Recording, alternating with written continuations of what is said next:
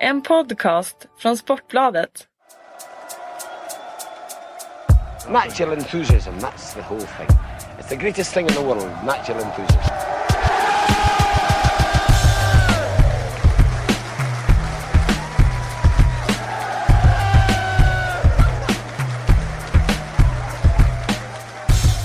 Hej på er kära vänner ute i detta avlånga land och vart ni nu än råkar befinna er i världen. Några kanske är i Thailand så här års. Alla är ju typ i Thailand så här Önskar års. att jag var i Thailand så här års. Ja, det är Nej, jag ska säga nej bara för det. Du, du du vill vara här på redaktionen, Nej, men- titta ja. ut i regnet. det, det, Jag önskar att jag var i Wolfsburg så här års. Jag önskar alltid att jag är i Wolfsburg. Ja, så är det. Eh, Patrik Syk heter jag och Patrik Sjögren heter du. Nu är kanske några förvirrade för nu sitter vi här igen. Det var Sillypodden i måndags och nu är det Premier League-podden.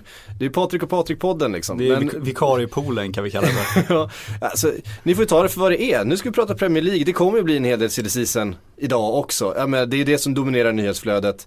Ehm, det är så det blir när du är på besök Patrik. Och när Kalle är på semester. Ja. Inte i Thailand men Nej, han har varit... någonstans i eh, staterna tror jag. Precis. Ja. Eh, Erik är iväg och ja men det är i största allmänhet eh, fortfarande lite, lite tunt. Ja, men vi Eh, ställer upp. Vi är här. Vi som inte har något liv. Absolut. Kör vi. Som sagt, eh, känner du att det är vår i luften Patrik? Ja herregud, nej inte det minsta överhuvudtaget alls faktiskt. Nej men hur den är så är vårsäsongen snyggt. här. Ja.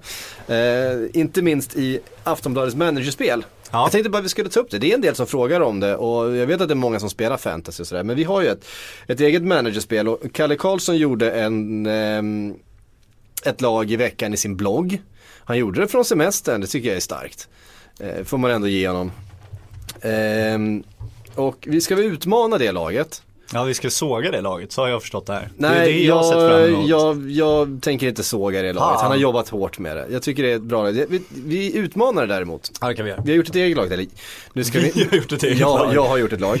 Jag eh, har sen ingen aning om vad vi har gjort. nej men så är det faktiskt så här att eh, vi har en egen liga då som heter Sportbladets PLP. Där kan man då utmana oss. Kalle kommer finnas där, vi kommer finnas där. Ehm, och vinner man den ligan så kan man faktiskt vinna en iPad Mini. Det är ju inte helt fel. Nej det är faktiskt riktigt bra. Ja, signerad av dig. Nej, det lovar jag nu. det har jag däremot inte lovat. Om det är så att ni vill att Priset Patrik, sjönk precis om, med ett par om, den som kronor. vinner den, om den som vinner den vill att du ska signera, signerar du då? Med törs på skärmen, absolut. Eller hur? Hur som helst. Eh, managerspel, det är ganska, det, jag tycker att det är ganska, jag är så här, jag tycker det är kul i början på säsongen att spela managerspel, sen är jag så förbaskat dålig på det. Jag är lättslagen. Man är som tävlingsmänniska tycker jag, så glömmer man en vecka och så tappar man lite då, då blir man så jävla förbannad så då kan man fan skita i allt. Men, Ja, nej, Man det, måste gäller, hålla det, i. det gäller att hålla i det. Eh, men det är kul, det håller jag med om. Och nu ska ni komma ihåg, ni som inte har spelat fantasy, att det här, den elvan jag har tagit fram, den är ju liksom inte de elva bästa spelarna i Premier League. Därför att man har ju en budget att förhålla sig till. Ehm, FFP kan vi kalla den för så ni, ni, ni, som, ni som eh, vill vara med på det här, för det, det är faktiskt ganska roligt. Vi kommer återkomma till det eh, framöver här och se hur vi lägger till och eh, vi kanske också tar upp vilka som ligger bra till i ligan och sådär. Eh, ni kan väl pausa nu och sen kan ni hitta en laptop eller någonting, öppna upp era lag och så kan ni jämföra om ni vill. Eh, så här ser det ut i alla fall. Jag har valt eh, Begovic i mål från Stoke, billig. Eh, bra Men kommer inte målvakt. Stoke släppa in mycket mål då känner jag direkt. Jag måste in och nästan ifrågasätta det här tycker jag. Är det inte bättre att ta en, Känns det, vad fan, Stoke släpper väl inte in mycket mål? ja, det kommer, en, kommer en vårsäsong nu, då faller de här lagen. Är det inte bättre att liksom investera lite i någon av topplagens målvakter? Inte för att de är bättre som målvakt, men för att laget släpper in mindre mål. Ja, alltså egentligen så, så ska man ju ta en Courtois för man vet att Chelsea släpper in väldigt lite mål, de vinner Ja. mycket matcher och så vidare. Men han är dyr. Ja det är han. Och då- man får värdera poängen där också Exakt. värt framåt. Eh, det handlar ju om att öka spelarnas värde. Eh, en trebackslinje med eh, Kieran Gibbs, eh, Sabaleta och Kyle Walker. Ja, Känns väl ganska offensivt. Det är väl det man är ute jag gillar att efter. du ställt upp Sabaleta som libero, det tycker jag känns jävligt Jaha, det positionerna här spelar ju mindre roll. Eh, men eh, det, det, ser är mina, ut, det är mina tre backar. Ja, men det är bra. Jag gillar Kyle, Kyle, Kyle. Walker har sett eh, så riktigt bra ut mot Chelsea. Eh, man har väntat på Kyle Walker. Jag trodde han skulle explodera liksom förra året eller för ett par år sedan. Det var mycket prat om honom då. Men han har liksom fallit i någon slags dvala eller vad som man kallar det för. Men mm. det, kan, det finns potential där minst sagt. Kieran Gibbs gillar ju utmanar ju ofta där och, och spelar in dem. Är Ja. väl ingen poängmaskin kanske men, men eh, han är en, jag hade med honom i en sån här 11 för ett par år sedan när han precis hade slagit igenom, var väl junior fortfarande och fick otroligt mycket skit.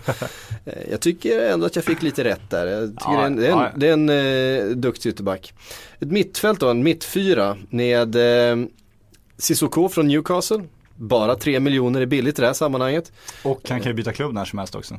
Ja fast du kom det ju ett rykte idag. Jag satt precis och, och när jag skulle klicka köp här Ja. eh, så kom ju då också ryktet om att Newcastle håller på att förhandla om en förlängning med Sissoko. Att Ja. eh, PSG ser mindre troligt ut helt Ja, plötsligt. PSG tror inte jag heller på, men jag säger att han är en av spelarna som faktiskt kan byta klubb. Du får väl hoppas att han hamnar i, ja nu ska han inte hamna i en toppklubb, kommer inte få spela men Nej precis, nej jag tror han blir kvar. Ja. Eh, det vore nog bästa för alla. Inte minst för för den ditt här fantasylag. Ja precis. Eh, dessutom Raheem Sterling, Ross Barkley och Willian. Willian är ju med, han är ju ingen poängmaskin han heller. Men han eh, var ganska billig i det här spelet faktiskt. Eh, Och så var det inte så många andra som hade tagit honom. Det gäller ju att inte liksom bara ta favoriterna. här. Nej, så är det. Då vet, då vet man att man hamnar kanske på övre halvan typ. För det är väl där eh, man bara går på de Man ska gå för populäraste. seger. Jag håller Ja, med. eller Och? William får ändå mycket speltid, lag som kommer vinna mycket, mycket enkla poäng. Exakt. Ross Barkley. Ja, den är en joker, va? Ja det är en joker. Ja. Ehm, Everton har gått eh, minst sagt dåligt. Ja. Ross Barkley har ju inte kommit tillbaks riktigt efter skadan. Men jag tror att han gör det förstår Ja, du. ja. Jag tror att både Everton och Ross Barkley har en betydligt bättre vår framöver sig än hösten de har bakom sig. Och så Raheem Sterling för en förhållandevis billig peng. Han kommer vara inblandad i allting som Liverpool har framåt. Det man ska ju en- alltid tipsa om, om mittfältare som kan spela anfallare. De brukar Ja. ju vara poängmaskiner de där spelen. Dessutom så är han ju mittfältare här men han spelas ju de facto som, eh, som striker. Exakt, det är de man brukar kunna få så jävla mycket gratispoäng på. För mittfältare får väl mer per mål, eller? Är jag fel ute? Det får de va? Ja, vi så antar är det. Ja. Och sen en anfallstrio då med eh, Harry Kane, Sergio Agüero, det är min dyrgrip. Det är Ja, liksom, man, får ha, man måste ha en dyrgrip med, han är dyrast i hela Och då spelet tar du en skadad kille. Eh, och. Maguero, skadad, osäker.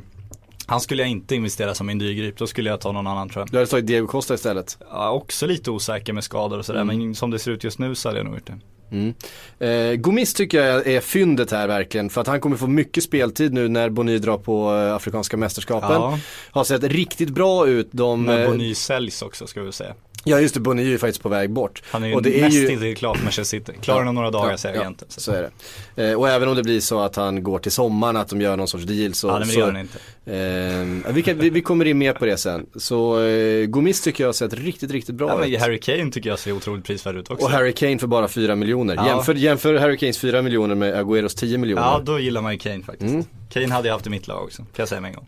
Så där, eh, där har ni min, min 11 utmanaren. Den här elvan heter jävligt fantasifullt Sportbladets PLP. Ligan, Oj. ligan heter Sportbladet mellanslag PLP.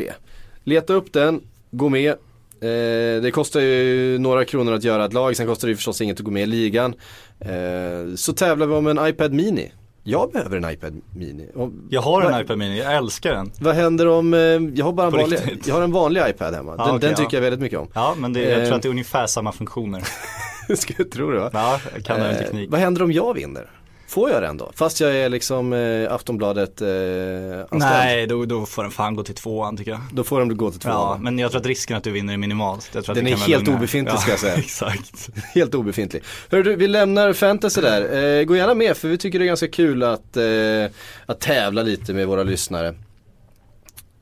Och då tycker jag vi tar oss eh, till norra England. Till Ja. Newcastle. Erik Nivas favoritpartystad nummer ett. Ja, precis.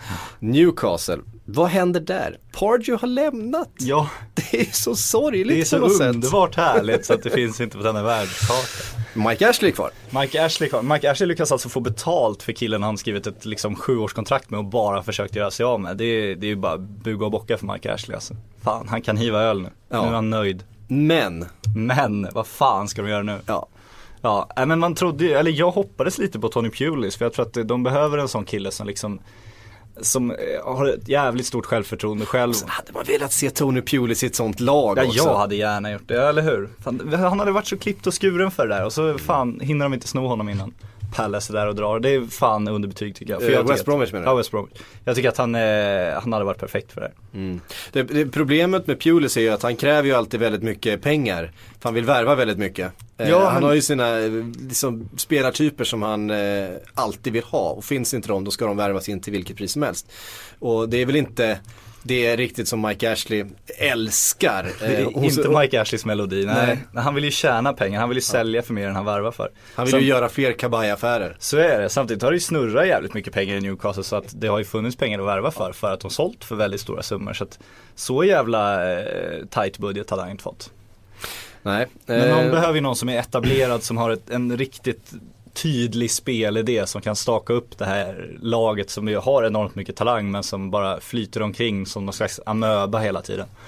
Det finns liksom inga linjer i det laget. Men då är frågan, vad finns det för namn på tapeten? Och det är nu det är svårt ju. Alltså jag tror ju att de kommer ta sin jävla tränare och köra med honom. Och så kommer han få ett halvår och så kommer det gå åt helvete. Och sen kommer han få kicken och så kommer de försöka igen. Sen kommer till slut kommer ju Joe Kinnear stå där igen och liksom ha sitt stora breda jävla leende. älskar, Så att älskar. det kommer ju landa där, det vet Tänk ju om alla. Joe Kinnear hade varit kvar.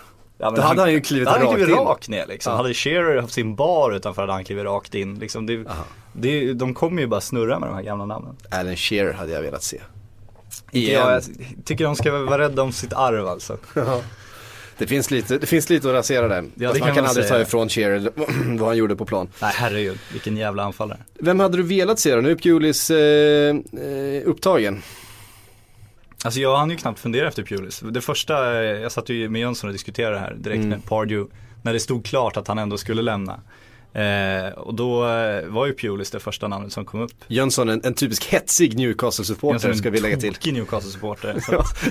Alltså när Newcastle låg fyra efter så här fem omgångar så du vet man så här, Tänk om vi tar en Champions League-plats! Lugn och fin Fredrik. Exakt, det kommer dala det här. Alltså jag har ingen namn just nu och det är också lite anmärkningsvärt tycker jag att det, det pratas knappt om några namn. Det nämndes några holländare där i början liksom, Mm. men som man visste aldrig skulle vara aktuella för att de är inte sugna på den typen av jobb.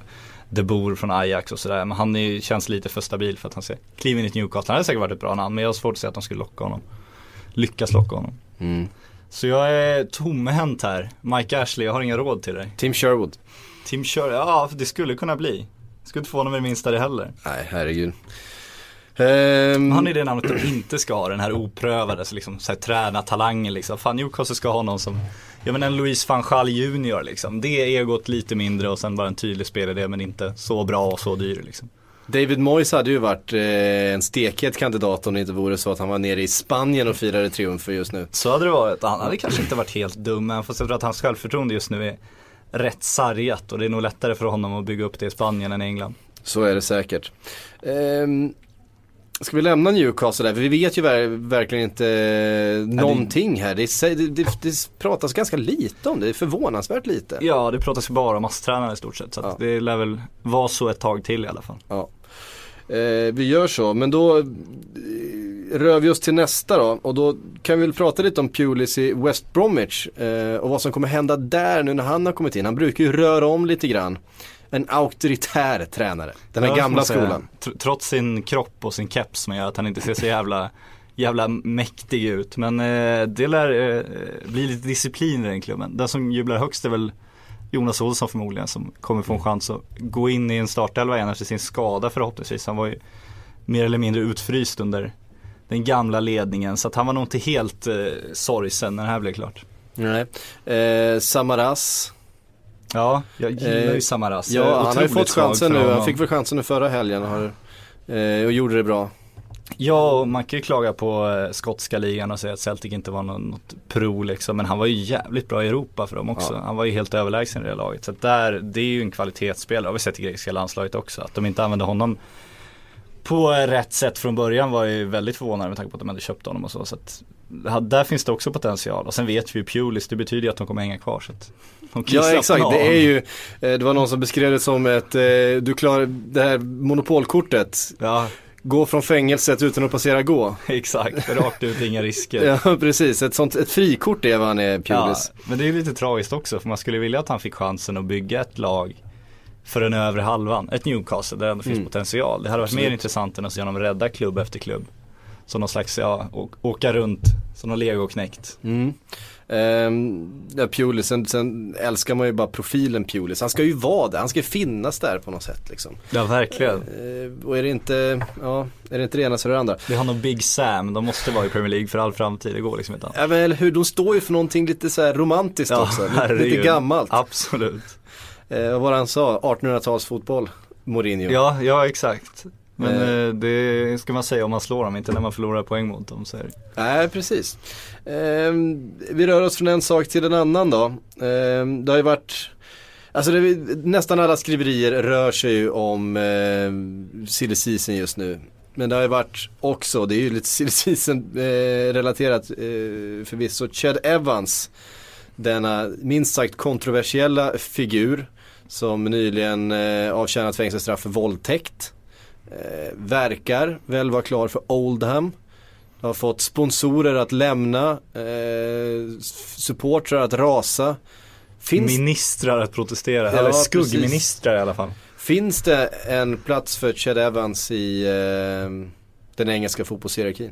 Alltså det är svårt. Eh, Som grundprincip tycker jag, har man avtjänat sitt straff så har man ju avtjänat sitt straff. Då ska man ju kunna få vilket jobb som helst igen. Eller ja, inte vilket, det, det finns ju såklart olika lämplighetsgrader. Men inom fotbollen tycker jag att man ska få, få spela fotboll igen eftersom det, liksom, det är en princip. Vi kan inte bygga egna straffskalor inom idrotten utan det, man får ju lita till samhället som ändå har en, en större kunskap och expertis kring det. Men det svåra tycker jag är eller därför tycker jag att de här politikerna som säger att han inte ska få chansen igen, det, det är ju bara liksom popularitetsspel, de vill bara synas, få lite rubriker. De tycker jag man ska fullständigt skita i om jag ska vara helt ärlig. Däremot tycker jag att eh, klubbarna verkligen måste fundera om de vill förknippas med den spelaren, för du har ändå ett ansvar som klubbledare. Det har inget med om han är straffad eller inte, utan det har ju med hans rykte att göra. Han bär, ju, han bär ju det här med sig vart han än kommer och eh, det stora problemet känner jag är att ska man försöka ha honom som någon sorts förebild för andra, för, för småpojkar, för småflickor, hur ska liksom hur ska det tas emot? För man är en, man är en förebild, vare sig man vill det eller inte, som, som eh, fotbollsspelare i eh, en elitklubb. Ja, så är det. Och det, det hade jag kunnat, alltså det finns en jättestor problematik där. Och den hade ju kunnat undvikas om man hade liksom gått ut och eh, ångrat sig, berättat, liksom varit ångerfull. Han hade kunnat föreläsa för ungdomslag, han hade kunnat bli en symbol för liksom, jag gjorde något jättedumt, så här tar man sig tillbaks i livet, gå aldrig i mina fotspår. Men han eh, nekar ju fortfarande till det här och liksom vill inte erkänna att han gjort det och eh, funderar väl på liksom överklagan av civilrättsligt igen också på något sätt. Eh, och det gör ju det hela väldigt problematiskt för då har du en dömd våldtäktsman som inte vill liksom stå för sitt brott. Eh, och han kan ju aldrig vara en lämplig förebild. Hade jag varit en klubbledare hade jag aldrig någonsin, någonsin tagit i Chad Evans oavsett hur duktig han är för att han ska inte, skulle liksom inte vara en värdig representant för min klubb tycker jag. Så det är där det krockar. Rent rättsligt, han har avtjänat sitt straff, då tycker jag att han ska få, få rätt att ha ett jobb. Det ska inte finnas några politiska stopp där. Ingen politiker tycker jag har rätt att gå in och säga hur en klubb ska göra eller hur någon ska agera. Däremot tycker jag att klubbledarna måste fundera på vad de vill att deras klubb ska stå för, vad de vill med sin, sin förening. En fotbollsförening handlar inte bara om att vinna matcher, det handlar ju om att uppfostra ungdomar, sprida rätt värderingar i samhället. Du har ett jättestort ansvar där och där tycker inte jag att han rimmar med det. Så som klubbledare hade jag aldrig tagit i honom. Men eh, som, som någon slags journalist så tycker jag att liksom hans straff är avtjänat. Det är lite svårt det där. Ja, vi får väl se vad som händer för att eh, Olden var ju nära att presentera honom sen hotade typ alla sponsorer med att dra. Exakt, och det Eh, förstår man ju också. Och då, och då blev det ju helt plötsligt väldigt problematiskt. Eh, Ja, och men- det, där, och det, förstår, det förstår man ju verkligen för att jag menar som sponsor det är liksom hela, hela poängen med att du betalar den här klubben pengar är att du ska få synas i den klubbens sammanhang. Mm. Och ska man då förknippas med en, en dömd våldtäktsman som det faktiskt rör sig om så är det ju Eh, det blir inte lätt. Det blir, jag tror det blir väldigt svårt för Chad Evans att, att, eh, att lösa ett fotbollsliv i England faktiskt. Jag tror han måste röra sig utomlands. Eh, till, till någon annan mindre liga där eh, den här historien inte är lika uppmärksammad. Där man på ett annat sätt kan, kan eh, låta det bero. Där han inte naturligt blir lagets centralpunkt i och med eh, den här historien. Ja, för kommer han debutera för Oldham så är det ju varje framsida, varje engelsk tidning kommer ju ha en bild på Chad Evans i sin nya matchtröja. Mm. Och då förstår man ju att liksom, om jag hade haft ett bilföretag så vill inte jag ha min logga på den magen på den bilden liksom. På Nej. våldtäktsmannens mage, som folk ändå kommer se det som. Precis. Så att jag håller med dig, han får dra till till någon annan liga helt enkelt. Ja. Och förhoppningsvis kan han väl bygga upp sitt liv igen. Förhoppningsvis kan han inse att han gjort någonting fel också, vilket jag tycker är det mest alarmerande med det här. Ja. Så är det väl. Eh, vi lämnar Evans där. Det var faktiskt första gången vi tog upp honom i podden. Vi har duckat honom några gånger för att det har varit en eh, det har varit så jävla osäkert och det har varit eh, väldigt mycket frågetecken och, och en, eh, en bökig historia på väldigt många sätt.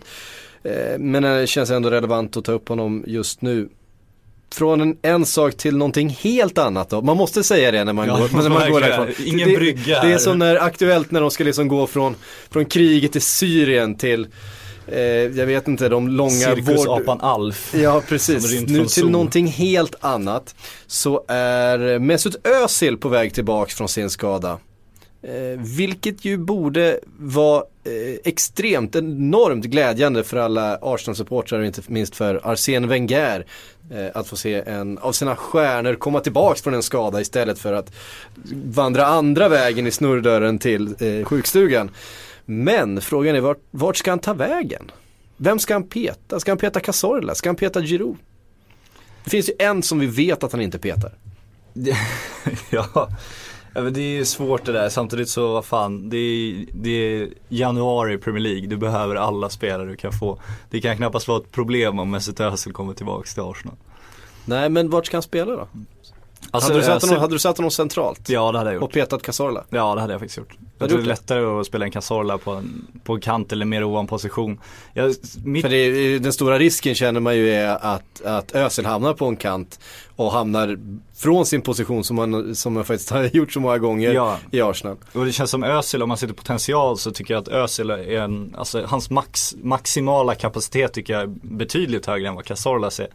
Så att eh, får man ut max av Özil så har man så enormt mycket mer att vinna. Därför tycker jag att man ska, har man en sån spelare, om man köpt en sån spelare, man gjort den investeringen, då ska han inte spela sig ur position utan då får man faktiskt eh, ta ansvar och bygga laget kring honom.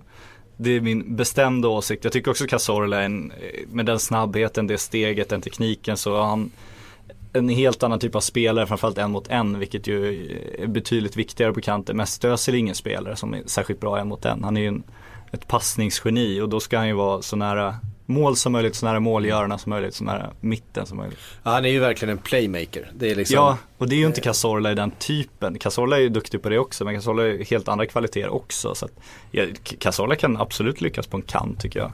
Özil kommer inte lyckas på en kant. det har vi sett. Ja. Det, blir, det blir genast lite motigt. Eh, vi har ungefär samma situation i eh, Manchester United där Di Maria hoppade in senast i FA-cupen. Eh, gjorde sina första minuter på, eh, jag vet inte hur många veckor han har varit borta men i alla fall en 5-6 va? Eh, och eh, tar ju förstås en startplats i Manchester United där han kanske är för, givetvis en av ligans absolut bästa spelare. Eh, men då är frågan, frågan vem som ska ut där, Falcao. Ja, men man sitter och väntar på För van Persie har ju på, liksom, eh, börjat hitta nätet. Van Persie börjar hitta nät och man sitter och väntar på hur långt tålamod de ska ha med Falcao. Alltså för dels så måste de bestämma sig innan sommaren om de överhuvudtaget ska köpa loss honom. Om de inte gör det så har han varit en, en sensationellt dyr låneaffär. Vilket kanske kan vara värt ändå eftersom förlusten skulle vara så mycket större att behålla honom. Han är ju inte den spelare han var ännu och det, det kanske kan förklaras också med tanke på skadan han hade.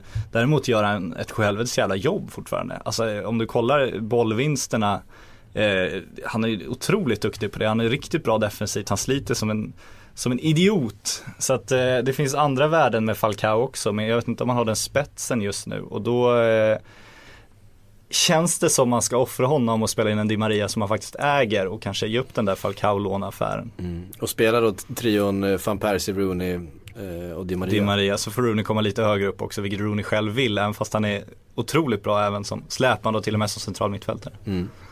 Eh, och fortsätter göra poäng, Rooney. Ja. Han gör ju alltid poäng. Man har det är liksom, en- Han får kritik och han, man tycker att ja, han är inte sitt gamla eh, jag och han liksom är inte den, den spelaren som man har hoppats liksom. Men han är ändå alltid uppe där liksom bland de bästa poänggörarna i slutet på säsongen. Jag kollar skytteligan överhuvudtaget, alltså han är ju stabil där så att eh, han, det är också, det finns ju enorma krav på honom bland annat för att han är engelsman såklart.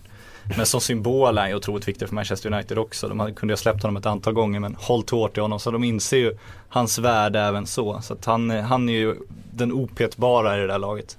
Sen ska man väl fundera över hur van Persie ska ersättas på sikt också. Det börjar faktiskt bli dags där.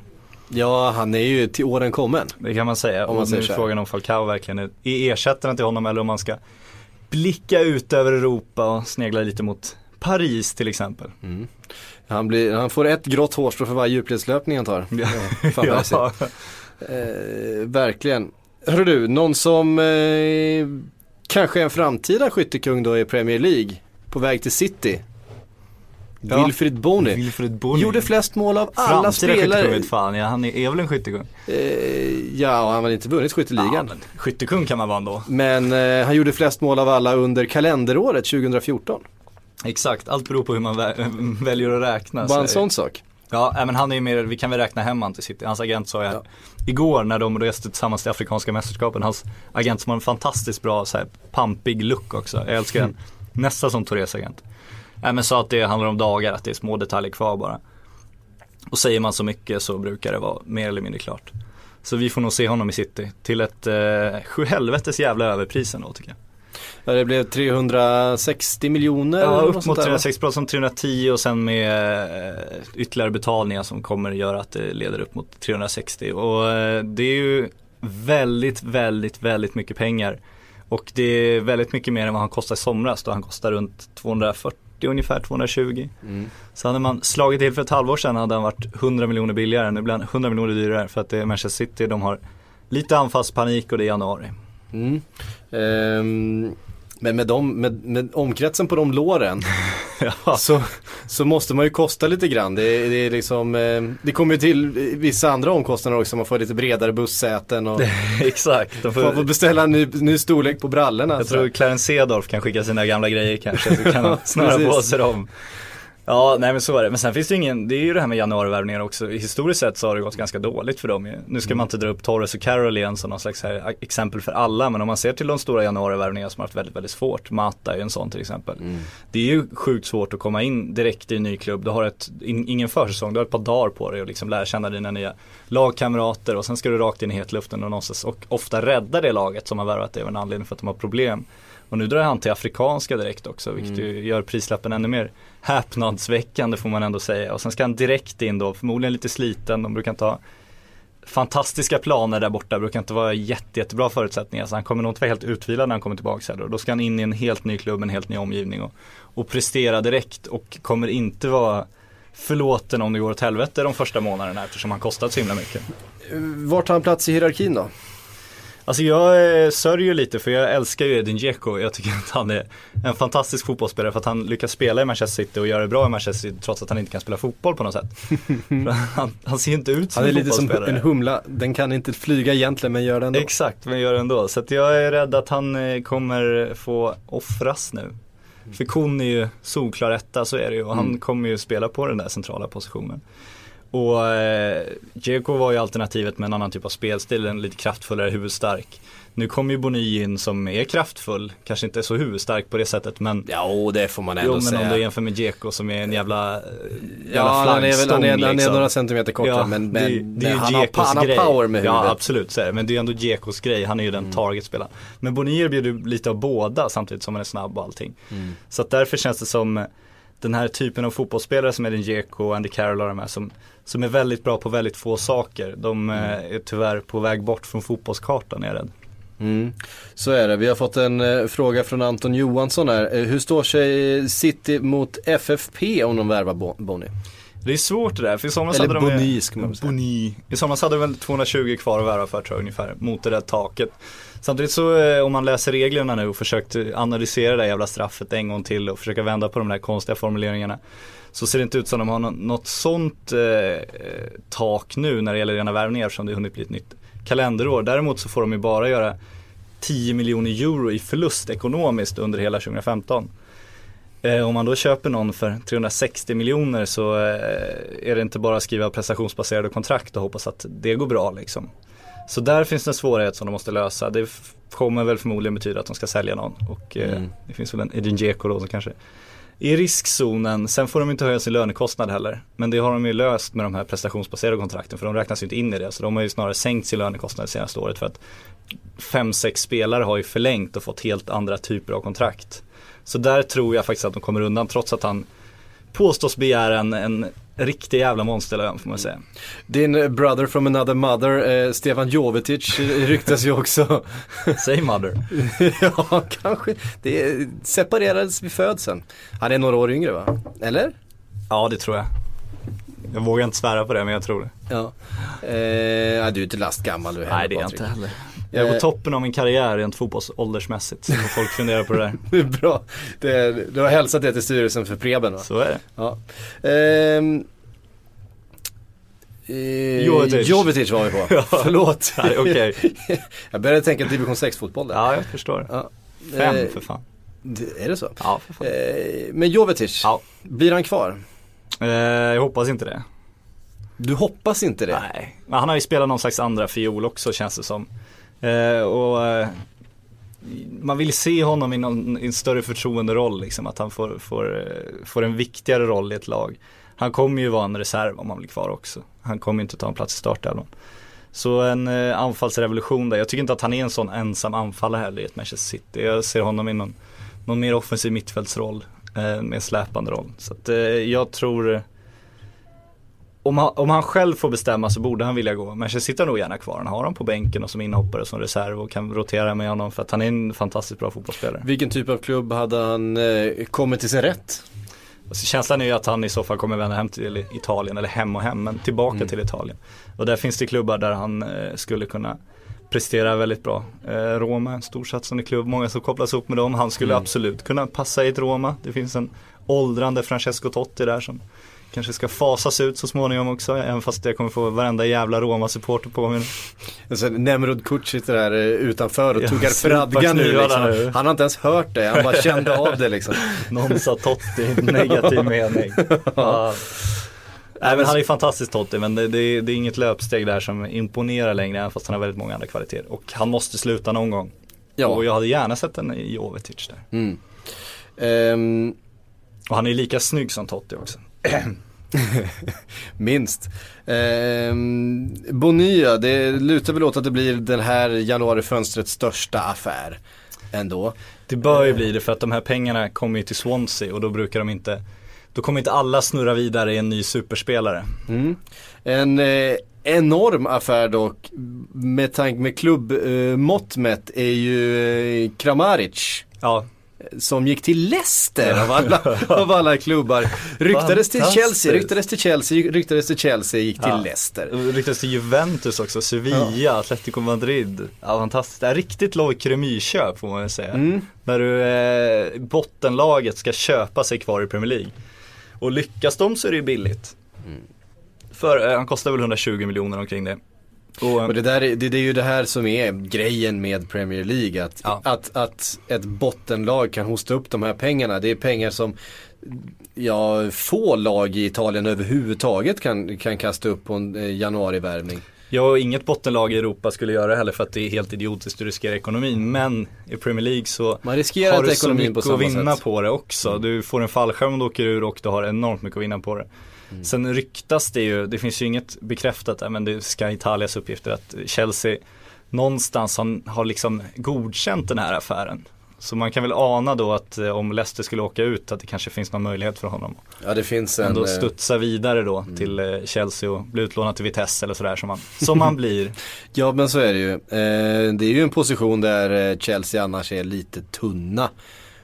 Får man väl ändå tillstå. Ja, bakom Diego bakom, Costa. Så, bakom Diego Costa så, så är det ju ett ganska långt eh, steg ner till en Di- Didier Drogba. det kan man lugnt påstå. Så att eh, absolut. Hur nostalgisk man än vill vara med den gode eh, ivorianen. Men han kommer ju gå i Remis fotspår. Jag, jag förutspår det här redan. Mm. Ehm, en annan stor värvning som nu verkar vara klar va? Eh, Valdes på 18 Ja. månader till Manchester United. Och det väcker ju en massa goa frågor. Det är ju en Det är ju en, eh, ska, vi, ska vi kalla säga att det är en världsmålvakt fortfarande Valdes? Han är en före detta världsmålvakt. Han har fått otroligt mycket skit nu bara för att han varit skadad. Men liksom om du kollar på bara vad han, alltså precis innan han skadade sig så räknades han ju som kanske kommande fönsters hetaste spelare. Han skulle vara liksom en, en av få gånger en riktigt stor världsstjärna uttalat sig att nu ska flytta. Han har ju vunnit allt värt att vinna så att eh, även fast han har agerat reserv kanske i landslaget ett antal gånger. Men han är ju definitivt en världsmålvakt. Det finns väldigt få sådana på marknaden med den rutinen och, och de kunskaperna Sen passar han inte i alla lag eftersom han är en så spelande målvakt, ganska liten målvakt. Men eh, han är ju definitivt en världsmålvakt. Mm. Eh, det finns många spelare som har vunnit väldigt mycket utan att eh, eh, alltid levererat för det. Men Ja, det var Victor som- Valdez är väl inte en utav dem. Det är väl den här är- klassiska skämtbilden när eh, någon hade ställt upp Steven Gerrard bredvid Anderson i Manchester United och Ja, radat det upp titlar. där. Det var lite Ja. sorgligt att se faktiskt. Eh, ja så är det ju, men det är klart att Victor Valdez efter alla de säsongerna i Barcelona eh, sitter på en ovärderlig rutin även om kroppen, precis som i van Persies fall, eh, börjar bli lite till åren. Så är det, samtidigt är han målvakt och då vet vi att det finns ett antal år till att spela på. Frågan är om knät hur det mår men det ska väl bli starkare och sånt här. Så att, nej, jag ser inga tvivel på att ifrågasätta honom som spelare. Mm. Eh, Peter Bertilsson eh, ställde en fråga här. Konsekvens av att United lånat in Valdes på 18 månader. De Gea ut, Lindegård ut. Ja, de Gea kommer ju Eller Lindegard kanske man ska säga. Lindegard, ja Lindegard kommer försvinna. Han sa redan i somras att han ville gå för att han Mm. vill, han känner att han är i en tid då, då han det var häftigt att komma till Manchester United, det var coolt att få stå några matcher, det var häftigt att vara reservmålvakt. Men nu vill han testa sina kunskaper och verkligen vara första målvakt i en klubb innan Innan han blir för gammal för det. Så att han kommer försvinna. Det här är ju en, en reservmålvaktsvärvning utan tvekan. Samtidigt så ska man inte underskatta problematiken med de Gea nu. Han börjar bli lite för bra helt enkelt. För att han har ett kontrakt som går ut 2016. Och eh, de här Real-ryktena tror jag faktiskt inte är helt grundlösa även fast de knappast har agerat redan. Men Real Madrid sitter ju på en målvaktsuppsättning som nog skulle må bra av en Da- David de Gea om något år. När Casillas kanske trots allt ska sluta. Och han är ju en sån, en spanjor liksom och en riktig prestigevärvning på det sättet. Så att det finns nog garanterat intresse där om han skulle bli till salu och kommer han inte förlänga sitt kontrakt innan sommaren så har han ett år kvar på det kontraktet och då är det säljläge eller förlängläge för Manchester United. Och därför är det nog väldigt, väldigt skönt om, för dem om Victor Valles kommer igång så att de vet att om de blir tvungna att sälja de Gea till sommaren, vilket de absolut inte skulle vilja, då har de ändå en bra, en bra ersättare. Mm. Ehm, vad kommer han tillföra då? Jag menar, han petar ju inte de Gea, det, så är det ju. Jag menar, de Gea, i min mening en av världens tre, fyra, fem bästa målvakter. Eh, och kanske lagets viktigaste spelare den här säsongen. Ja, han skulle jag faktiskt säga. Det är deras försvarsstrategi. Det är David de Verkligen. Exakt, så är det. Ja nej det är klart han inte petar honom och han, han, är ingen, han kommer inte vara någon mentor för honom heller. Det behöver ju inte det ske. Han är klar med det, det steget i sin karriär. Han blir väl en, eh, en stabil reserv. Det är väl skönt för Valles också att få, få bygga upp sig igen och liksom veta komma tillbaka till toppfotbollen. Eh, på så sätt, samtidigt så jag tycker att han gör ett jävligt dumt val som går till United. För han kommer inte peta det Gea, Han har ingen chans på det och det finns ingen som helst syfte för United att försöka få till någon konkurrenssituation heller. Det gynnar ju dem mer att ha det ske som tydlig etta med stort förtroende och att han vet att han kan göra bort sig lite. Men de kommer liksom lita på honom och bygga honom till den där solklara första valet. Så att Victor Valdes, jag eh, tycker att han borde ha åkt till Liverpool och försökt slå in ett par dörrar där kanske istället och eh, tagit den där stora chansen som han var ute efter. Han flyttade från Barcelona för en ny utmaning. Okej, ja det är en superutmaning att peta David de Gea men det kanske inte var den utmaningen han, han pratade om då. Så jag tycker att det är ett konstigt klubbval också med ett, med ett så långt kontrakt som man ändå skrev på ett och ett halvt år. Mm. Ett halvår hade varit lagom, bygga upp, träna, vara en reserv i United, de kan skicka Och, Lindegard. vad- och, då, och då har möjligheten i sommar att eh, skriva nytt kontrakt antingen med United eller med någon annan. Exakt, och han behöver knappast oroa sig för sin ekonomi heller, att han ska ha ett längre kontrakt och tjäna de pengarna. För det, det hoppas jag att han har gjort klart med redan sen tidigare för sina Barca-år. Det är märkligt, men eh, en bra lösning för United, en sämre lösning för Victor Valdes. Ja. Och det kommer inte påverka David de Gea överhuvudtaget.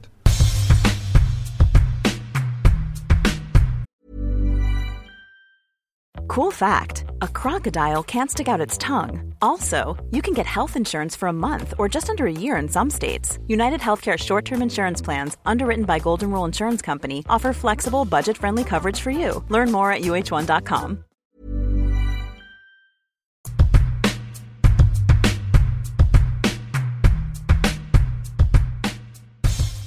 Hörru du, vi, eh, vi går vidare. Vi har fått väldigt mycket frågor som vanligt ju.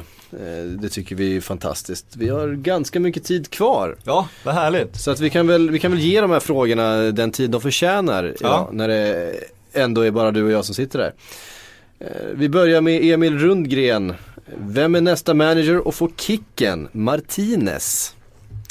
Och det ligger väl ganska nära till hans, även att det är inte liksom Everton-style att kicka, kicka tränare. Det är, jag menar man hade David Moyes i, uh, nu vågar jag inte Många säga, ja, ett decennium i alla fall.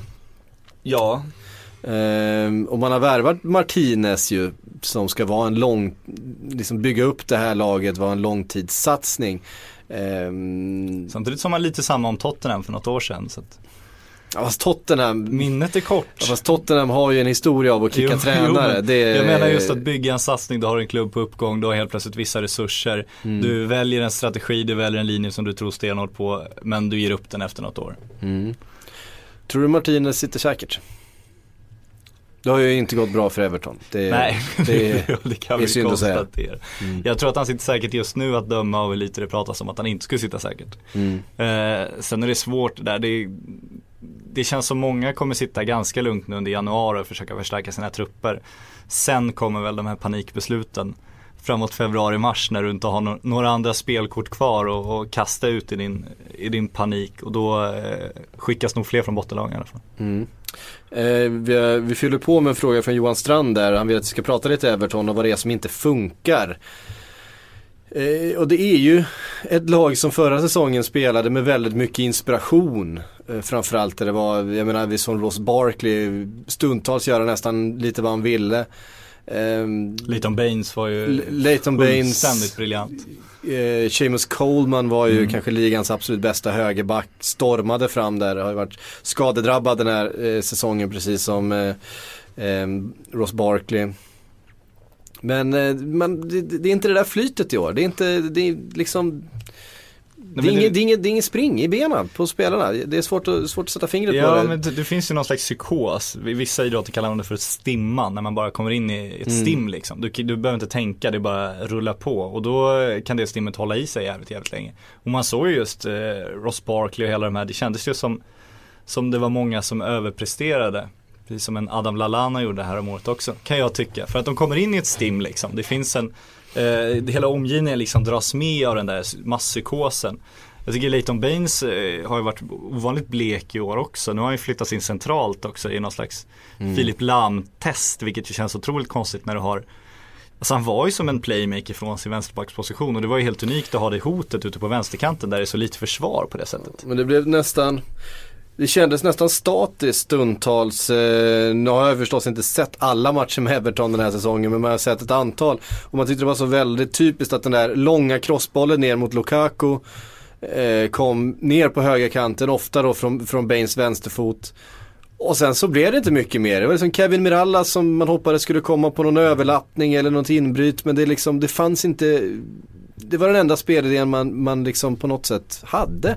Så var det förstås inte. Martinez är ju en tränare med mängder med offensiva idéer och en eh, passningsorienterad, eh, bollinnehavsorienterad fotboll. Eh, det vi brukar kalla en modern tränare. Eh, Men det där såg eh, fantasilöst ut eh, stundtals. Så Ja. Man undrar vad det berodde på lite grann. Om det var helt enkelt eh, det centrala mittfältet som, som inte fick det att stämma. Ja, han verkar tro det som han nu ska spela Baines centralt och hoppas att det ska Mm. vara lösningen på det. Men det är svårt också när du kommer in i en svacka med när du ska vara i spelande laget på det sättet och du saknar de här riktiga de här riktiga toppspelarna, alltså om, om ett, ett riktigt topplag kommer in i en svacka och liksom inte får spelet att stämma så har de alltid ett par gubbar som kan liksom avgöra en match på det sättet. Det, det har inte Everton riktigt nu när, när Barkley varit skadad och sådär också. Mm. Har du inte det och du ska spela dig till segrarna, det är betydligt lättare att, att kriga sig till segrarna. Mm. Så snart måste de väl antingen välja om de ska ställa om och försöka bli ett mer cyniskt lag eh, och rädda säsongen eller om de ska försöka bygga det här på långsiktiga eh, Martinez-projektet som de hoppas på.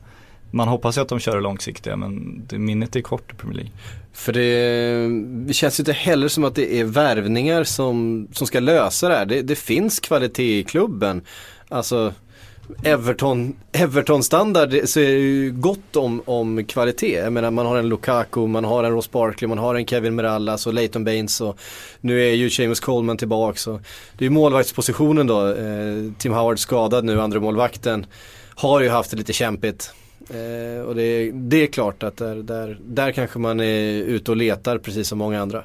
Det kan man mycket väl vara, men som du säger, alltså kvaliteten är inget fel på. Samtidigt så kan man ju ofta väcka en trupp om man gör en förändring. Det kan finnas en poäng att ta in en ny för sakens skull också. Mm. För eh, dels få konkurrens men också få liksom en kille som inte är i den där psykosen utan kommer med ett friskt huvud och går in och gör någonting annorlunda. Martinez till Newcastle. Nej tack, det tror jag, tror jag inte på och jag tror inte Newcastle Alltså det, det är Det inte känns- den det känns- de ska ha, de ska ha en riktig gammal brittisk eh, galen Harry jävel. Redknapp? Ja, typ Precis så. Harry Redknapp? Det hade, det hade varit välkommet till Newcastle tror jag Ja, ja, men han hade ju han hade passat in där. Han hade verkligen passat in Det tycker jag. Eh, vi tar en fråga från, eh, eh, nu ska vi se här. Gustav tror jag det ska uttalas, eh, hans eh, Twitter-handle. Han skriver West Ham går bättre än på länge. Finns några intressanta spelare i den klubben att hämta? Eh, du är en cynisk människa, Gustav. Den är riktigt jävlig Ja, den är lite jävlig faktiskt. Och det är klart att det gör. Alltså Eh. det gör det väl alltid, här får du redogöra för det här för jag har knappt sett West Ham i år ska jag allvarligt säga Winston Reed har ju varit försvarschef. Ehm, är ju en, en mittback som eh, framförallt Liverpool och Arsenal har eh, tittat väldigt noggrant på. Vägrat skriva på en förlängning, vill till en större klubb. Eh, är, jag tror jag, är 26 år gammal nu. Nya Zeeländaren. Eh, är rikt, väldigt sådär brytningssäker, stor, stark. Ehm, har väl petat in en boll eller två också tror jag. Eh, sådär på fasta situationer. Det är en spelare som jag tror kommer lämna, om inte nu så kommer han lämna billigt i sommar. Och han kommer gå till någon utav topp 6-klubbarna i, eh, i England. Jag tror inte han lämnar England utan det är ju en, en danskfostrad nyzeeländare. Känns, känns som en Premier League-spelare om man Ja. säger så Ja men verkligen. Eh, och det blir väl säkert Liverpool eller Arsenal, skulle jag tro. Sen eh, har du Saku, eh, nyförvärvet från i somras, som eh, varit en rejäl succé. Eh, kommer säkert han har väl, han har ett ganska nyskrivet kontrakt då så att han kostar ju lite mer och West Ham har ju pengar. Eh, det är en, en ganska stor klubb. Eh, för er som inte redan visste det.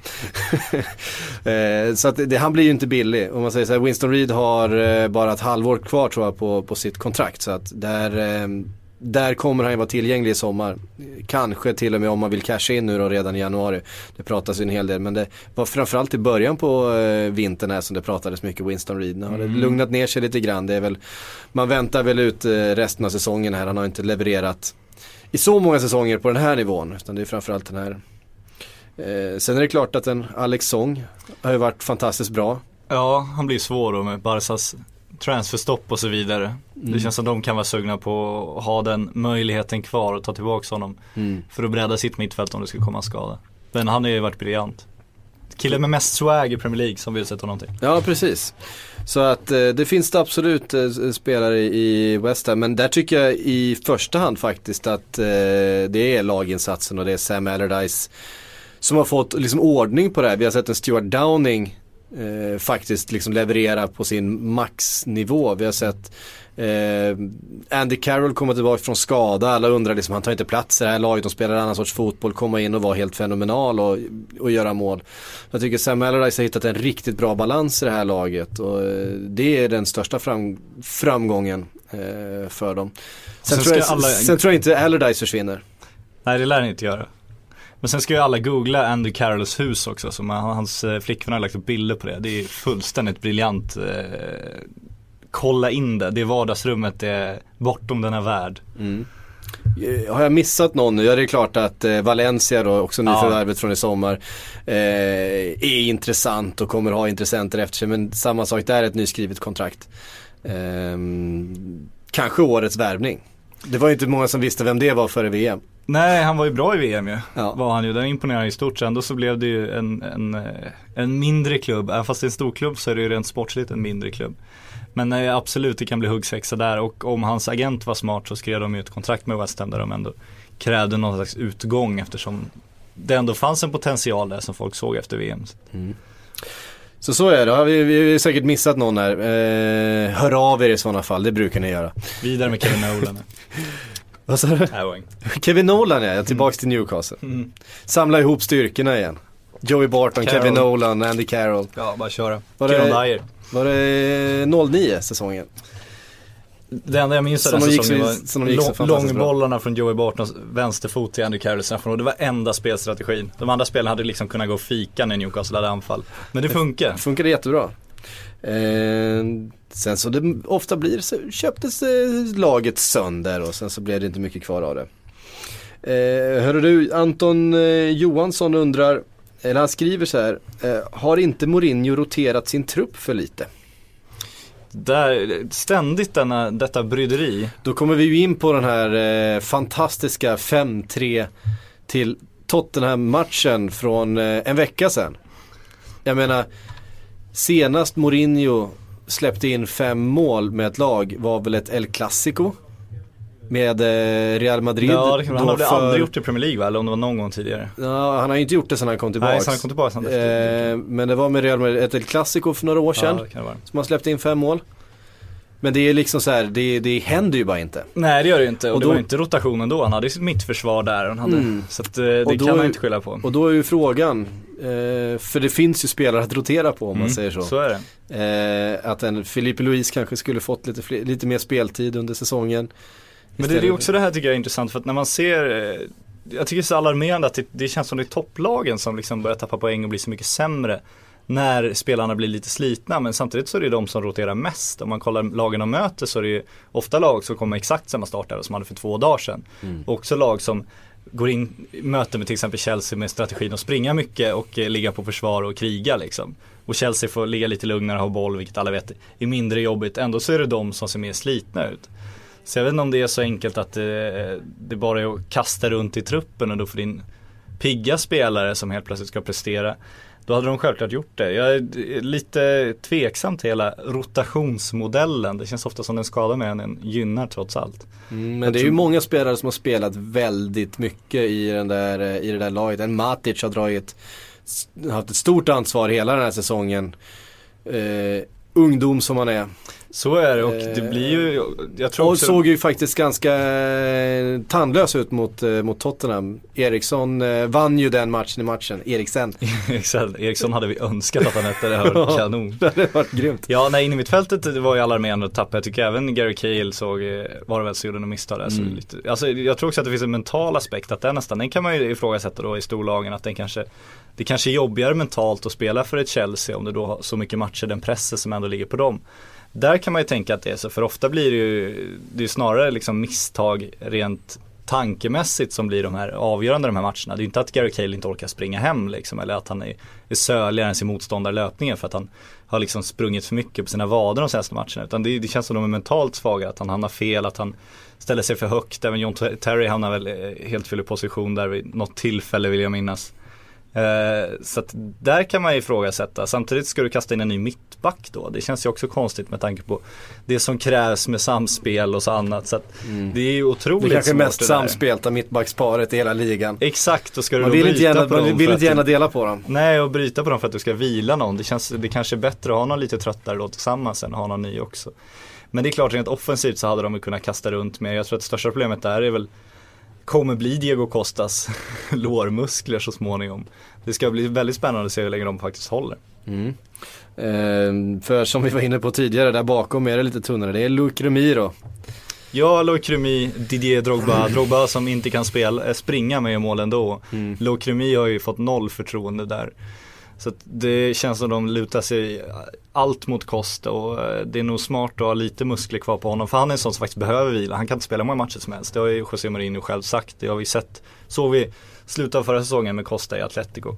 Så där måste de nog spara honom till Champions League-matcherna. Men rotera på Matic och och Cahill och Terry, jag tror inte att man behöver göra det från start. Sen kan det kanske vara smart att byta ut vissa spelare lite tidigare i vissa matcher. Men, men jag är kluven kring rotationsbehovet egentligen. Um, Oskar Jakobsson uh, har en fråga om det som ju är den absolut största eh, tabloid-storyn just nu. Det är ju de här ryktena kring Messi till Chelsea. Eh, han skriver så här. Vad kommer hända med fotbollsvärlden om Messi går till Chelsea sportsligt och ekonomiskt? Själv känner jag ju liksom att nu är ju det här liksom bara, bara blaj än så länge. Det är ju bara, bara trams. Det är liksom lite turbulent, eller ganska turbulent i, i Barcelona. Eh, Messi har bråkat med tränaren. Det kan säkert stämma att han skulle vara väldigt nära ett kontrakt, kontrakt till Chelsea. Det tror jag inte på. Eh, vi sågade det ju rätt hårt i, i måndags, eh, för er som lyssnade, det, lyssnade då. Framförallt vore det väldigt obehagligt för det skulle innebära att Daily Express hade rätt. Exakt. det, skulle, det, skulle, det skulle påverka, Det skulle fotboll, påverka det, det, det skulle påverka fotbollsvärlden extremt eh, negativt. Den krisen. Eh, men det det pratas om är ju att, att Adidas helt enkelt, och det har, det har du pratats om länge att Adidas har velat se Messi i någon av sina Adidas-klubbar. Det har ju pratats om då Bayern München framförallt och Pep Guardiola gick dit. Eh, Messi som är Adidas, eh, ett Adidas-namn. Springer runt i en eh, Nike-tröja hela, hela dagarna. Exakt. Eh, och det svider ju förstås när man betalar så många miljoner för att eh, få en reklampelare som Lionel Messi är. Så att de då skulle ekonomiskt vara beredda att gå in och pröjsa upp mot en miljard eller något sånt där. För att Messi skulle flytta till London och spela för Chelsea. Ja, det hade varit intressant att se framförallt hur Uefa skulle resonera om det är ett, eh, lämpligt värde på ett eh, sponsorkontrakt. Men eh, det hade det ju varit för att om du kollar publiciteten det hade, det hade inneburit om de flyttar på Messi. Den hade ju Adidas kunnat räkna hem på en vecka, det är jag övertygad om. Om man ser till vad de lägger på sin marknadsföringskostnader annars. Så att för dem hade det varit en kanonaffär. Däremot hade det varit helt revolutionerande i fotbollsvärlden för det har ju aldrig hänt förut. Och det hade varit fullständigt jävla själlöst gjort. Alltså, Det hade det varit. Jag, jag, jag ryser inför tanken på att företag ska gå in och bara liksom skjuta till pengar för att liksom styra och ställa så att allting ska bara vara tillrättalagt Ja, för vi får, vi får Nike-klubbar som möter helt- Adidas-klubbar. Jag menar och- helt, helt plötsligt så är, är hela Champions League en, en enda lång Pepsi-reklam liksom. Ja. Det spelar inte någon roll om vem som vinner eller vem som är vart. Det ska bara vara stora stjärnor som ska visa upp stora varumärken. Och Säg det är hej ju, till det är ju Red Bull Leipzig. Ja men, är, ja men precis, det är ju verkligen mardrömmen. Och Ja. det, det är liksom, man kan liksom slå ifrån sig när det är Red Bull Leipzig. Det är inte Red Bull Manchester United liksom. Ehm, men jag menar att Adidas skulle gå in och liksom lägga en miljard på att en spelare skulle spela i ett visst lag liksom. Och, ja, det skulle ju, det skulle vara helt hemskt. Ja det håller jag med om och jag tror inte att det är på gång heller. Det roliga med hela Chelsea är att nu pratar alla om Chelsea, att det ska vara en, en realistisk möjlighet och Daily Star hade väl hela sitt omslag då att, idag att de skulle erbjuda ett sexårskontrakt och så vidare. Men om man går tillbaks där, varför pratar vi om Chelsea? Jo för att Leo Messi har börjat följa dem på Instagram. det, det var ju där det började, det är, därför, Ja. det är därför Chelsea är klubben alla pratar om. Och varför gjorde Messi det? Jo men det känns ju som det här bråket med José Enrique, det kan, eller Luis Enrique. Det kan vi ju skriva upp, det tror jag garanterat har hänt med tanke på att Enrique vägrar dementera på presskonferenser, vägrar uttala sig om det. Det är kaos i Barcelona, de har utlöst nyval. Det, det pågår saker i Barcelona, det är tydligt att det är maktkamp. Det är maktkamp om presidentposten nu. Det kommer bli en maktkamp om managerposten, för kommer en ny president kommer han förmodligen vilja ha sin egen linje, då kommer det bli en ny tränare. Och eh, Enrique är pressad och han har uppenbarligen börjat bråka med Messi. Messi skyller på magproblem efter att ha blivit petad. Han gjorde precis samma sak under Pep Guardiola under Guardiolas sista säsong. Dök inte upp på träningen efteråt på grund av magproblem. Xavi sa för ett, något par veckor sedan i en skämtsam intervju att när man när man liksom, eh, när någon spelare uteblir på grund av magproblem, då, då finns det något annat skäl bakom. Så att det finns en anledning till att Messi skyller på magproblem, det finns en anledning till att han börjar följa Chelsea på Instagram, det är ingen slump, han förstår vad som kommer hända.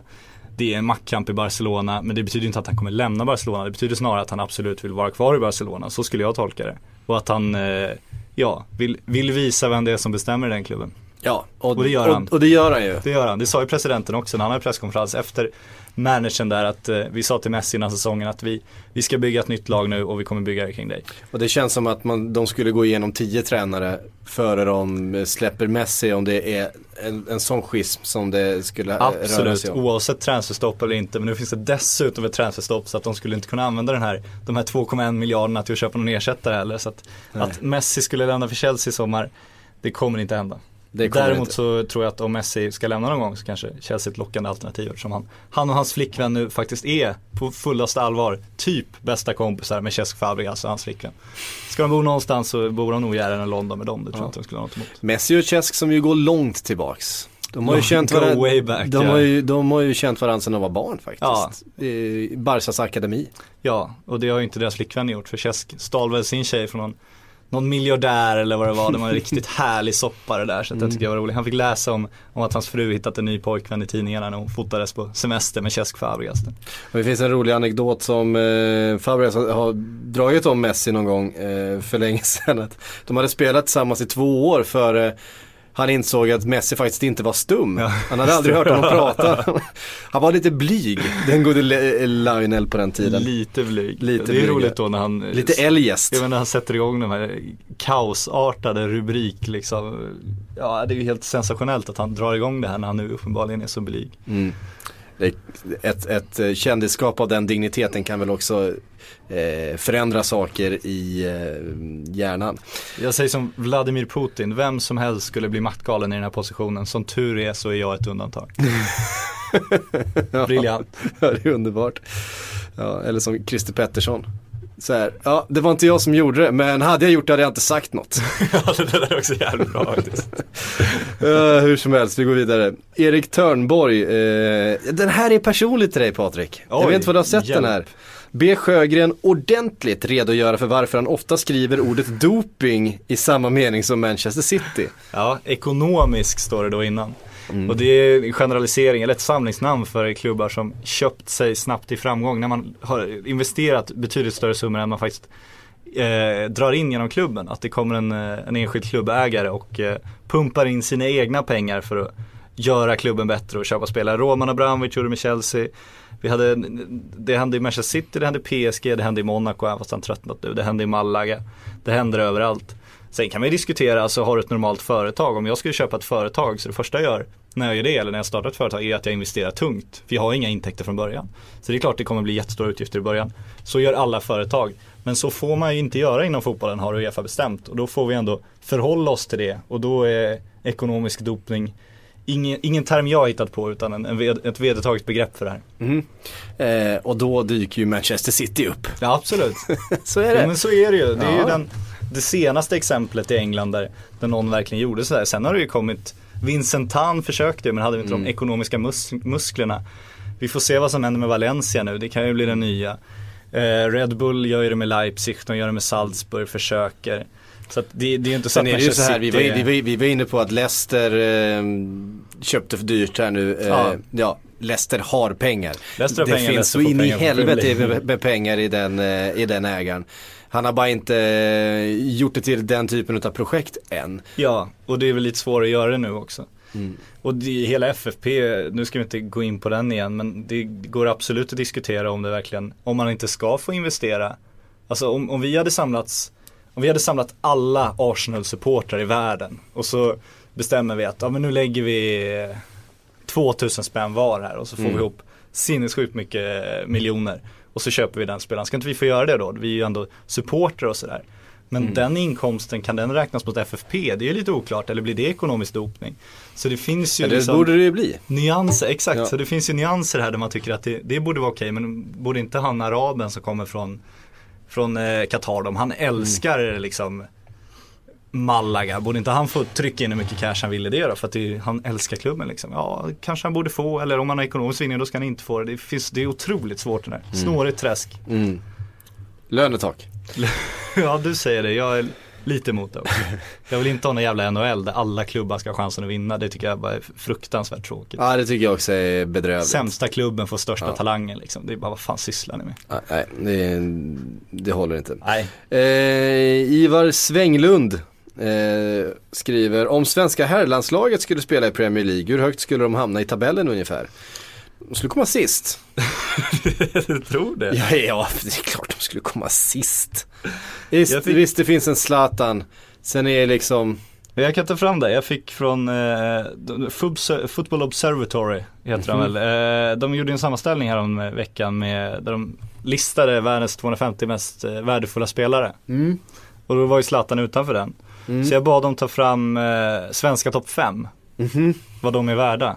mm. Eh, och då är det väl Jävligt intressant. ja jag tror att det var euron att räkna. Då är Zlatan ju etta såklart, Ja. 17 miljoner euro Ja, rimligt. med ålder och så. Ja. Eh, tror du tvåa? Ehm, Ekdal. Ja, en trea. 4,2. Tvåa Ola Toivonen 4,5. Ola Toivonen, ja, Ja, jo men jag tycker vi det- underskattar faktiskt vad Ola gör i Europa här Det- i Sverige. Han det har faktiskt imponerat i den. Mm. Så han, han är bra faktiskt. Mm. Sen Det Sebastian Larsson 3,8.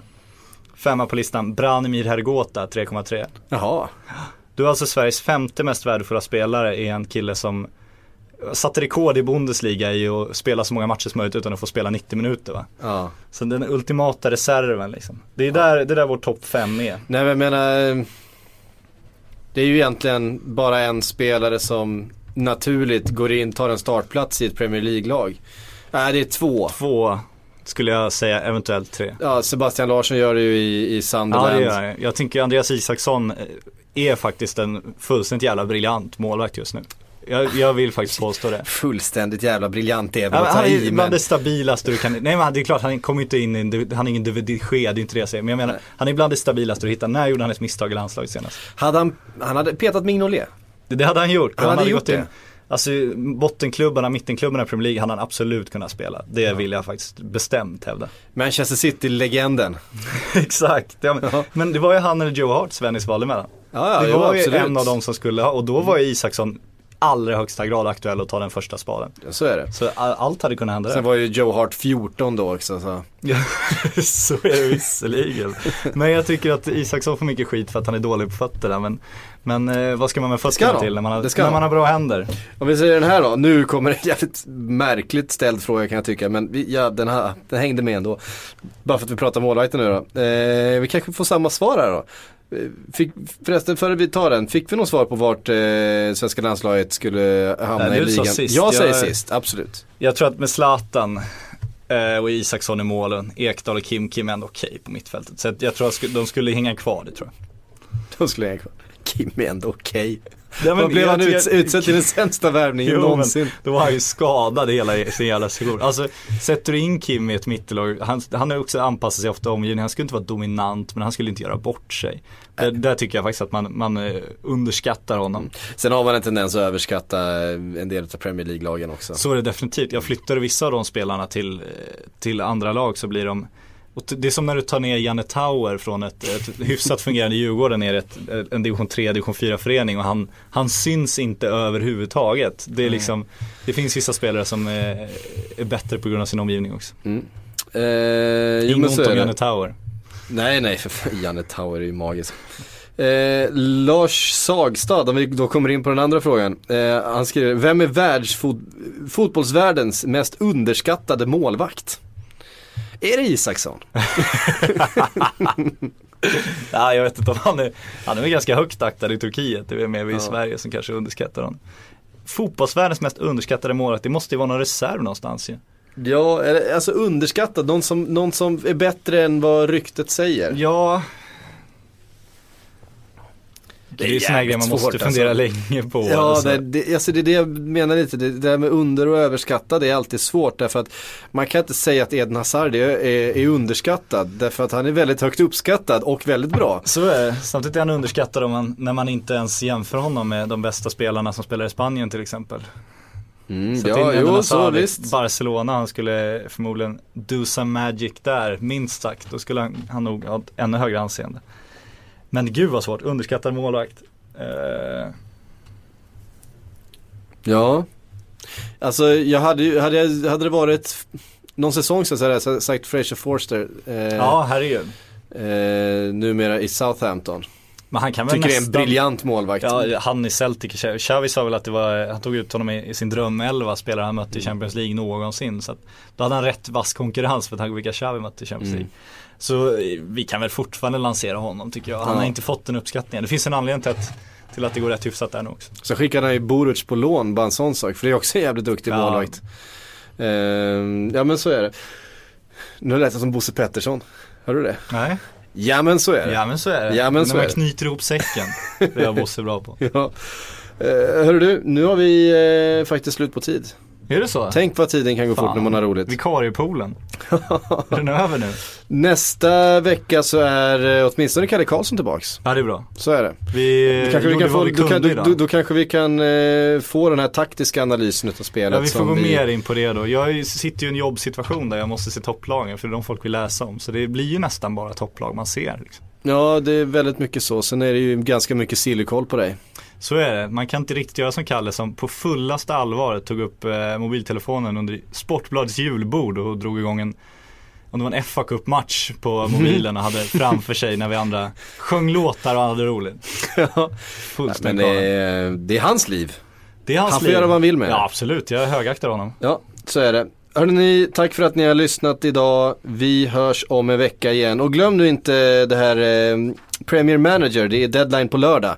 Så ni har ett par dagar på er att gå in och utmana oss. Vår liga heter Sportbladets mellanslag PLP. Ni hittar oss där. Så hörs vi. Hej!